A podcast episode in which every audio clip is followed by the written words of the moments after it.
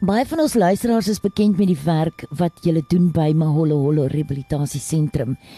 Maar vertel ons gou-gou, wat is julle basiese dag tot dag doelwitte? So on our uh, day-to-day schedule, we, we're taking care of a lot of animals, um, and obviously they all need to receive food. Um, we do have our sanctuary where we have our permanent residents. Um, they also need a bit of entertainment that we that we do provide for them. And then we got our whole clinic with the insured patients or orphan baby animals, and they also have to be fed and then look care um, taken care after. Um, and then this whole place obviously has a lot of cleaning work to do. All these animals they live in in, in, in enclosures or temporary areas before they release. So it is a lot a lot of cleaning that we do here mm. every day with all the helping hands we hand uh, we have, and then. Um, it's a lot of maintenance to do because things obviously do break as they get used. Um, and then we have the tour side where people, the public comes for the daily tour to look at animals at our sanctuary that we're dealing with. Um, yeah, so it's, it's, it's, uh, it's always a day um, filled with, with, with, with, lots of tasks. And, and um, I think the great thing is no day is like the other here. Um, sometimes we in the middle of the day while we're cleaning and feeding animals, we get called to rescue another animal or, or, or get called for, for, for um, animals in the Kruger Park to rescue as well.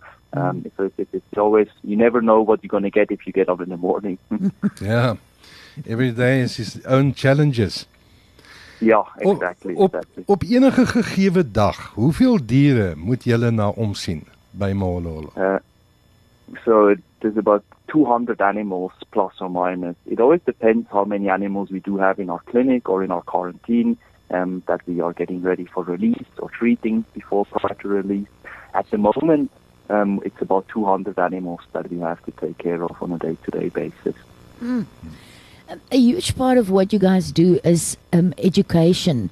So it's about teaching people about um, about Conservation. Conservation, yeah, and, and rehabilitation.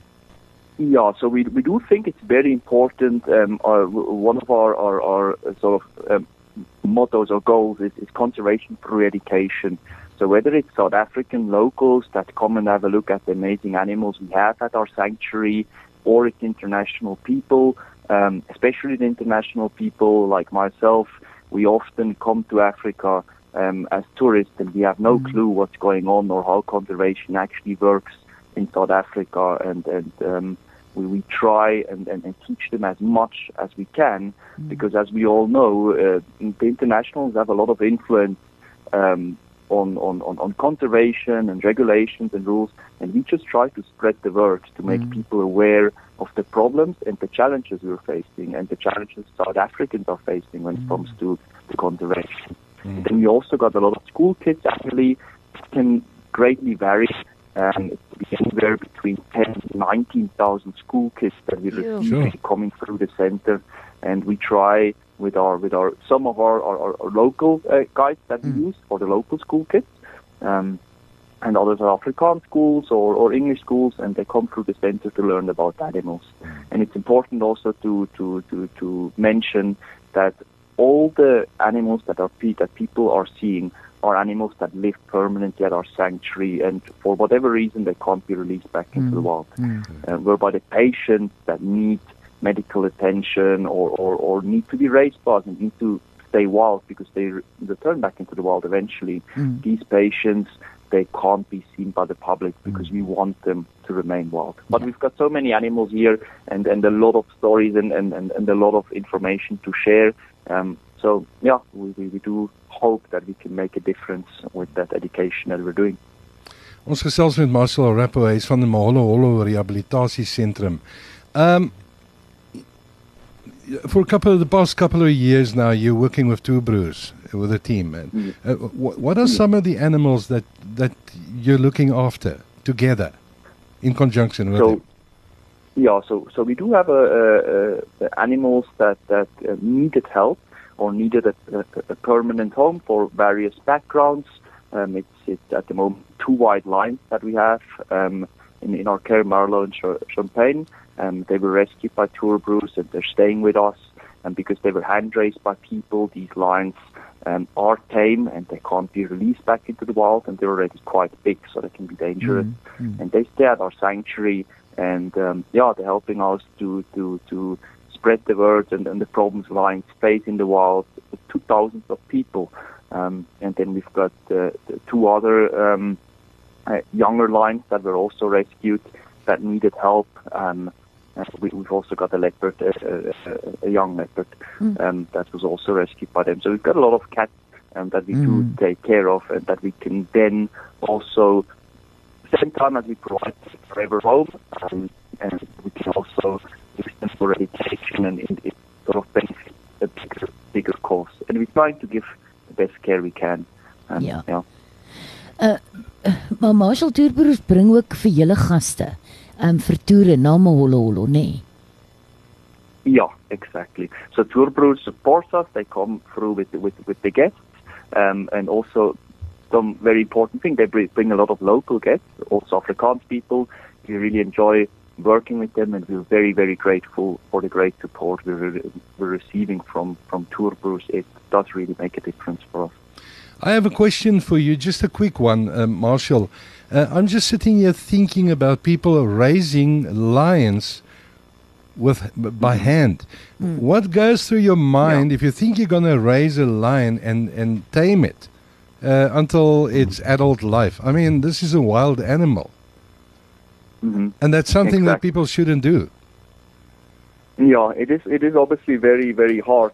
Um, if you hand raise a lion, it, it, it can barely. Uh, I do not believe that a hand raised lion that was kept by people in their house or or, or as, as like a tame cat, um, there's no space for that lion to go back into the wild. Um, unfortunately, and and people are not doing the animal a favor. We often receive calls from the public, and the public does try and raise a lot of animals themselves instead of bringing it to a to a professional rehabilitation center. And sometimes, unfortunately, whether it's a lion, whether it's a leopard, or it's a bush bear, a nahapi, whatever, people raise it in a in a way where they are too tame. Um, and, and, and it takes that wild out of them. Whereby we try when we, especially when we receive small young animals, we try to raise them in a wild way so they can go back into their natural habitat eventually. Uh, Martial, if people would like to um visit your center, how how would they do that? How who can they contact? So we are just 30 kilometers out of Hoedspruit on the R531 next to Kampersrus. And we do have two guided tours a day at 9.30 and 3 o'clock in the afternoon. And the people, they don't have to make bookings. They can just come um, as long as they're not uh, over, over 20 people. Um, Then we would require a booking. And it's about a one and a half hour uh, guided tour throughout our center where people can see our sanctuary, where they can go with the guide through and also learn about the problems and the challenges they're facing in the wild. And we also do have um, a volunteering program where we have international volunteers, but also a lot of local volunteers that help us to take care of the of the animals um, because we want to encourage uh, not only international people to come and volunteer with us, but also local people. We actually have special rates for South Africans as well. And then um, we do take care uh, of these animals with the volunteers. If, if anybody would like to find out more about the volunteering program or about um, a, a special tour request or anything like that, one can also um, follow us on our social media, send us a message there, or go to our website where one can find all the designated email addresses to contact us. as well. Wonderful.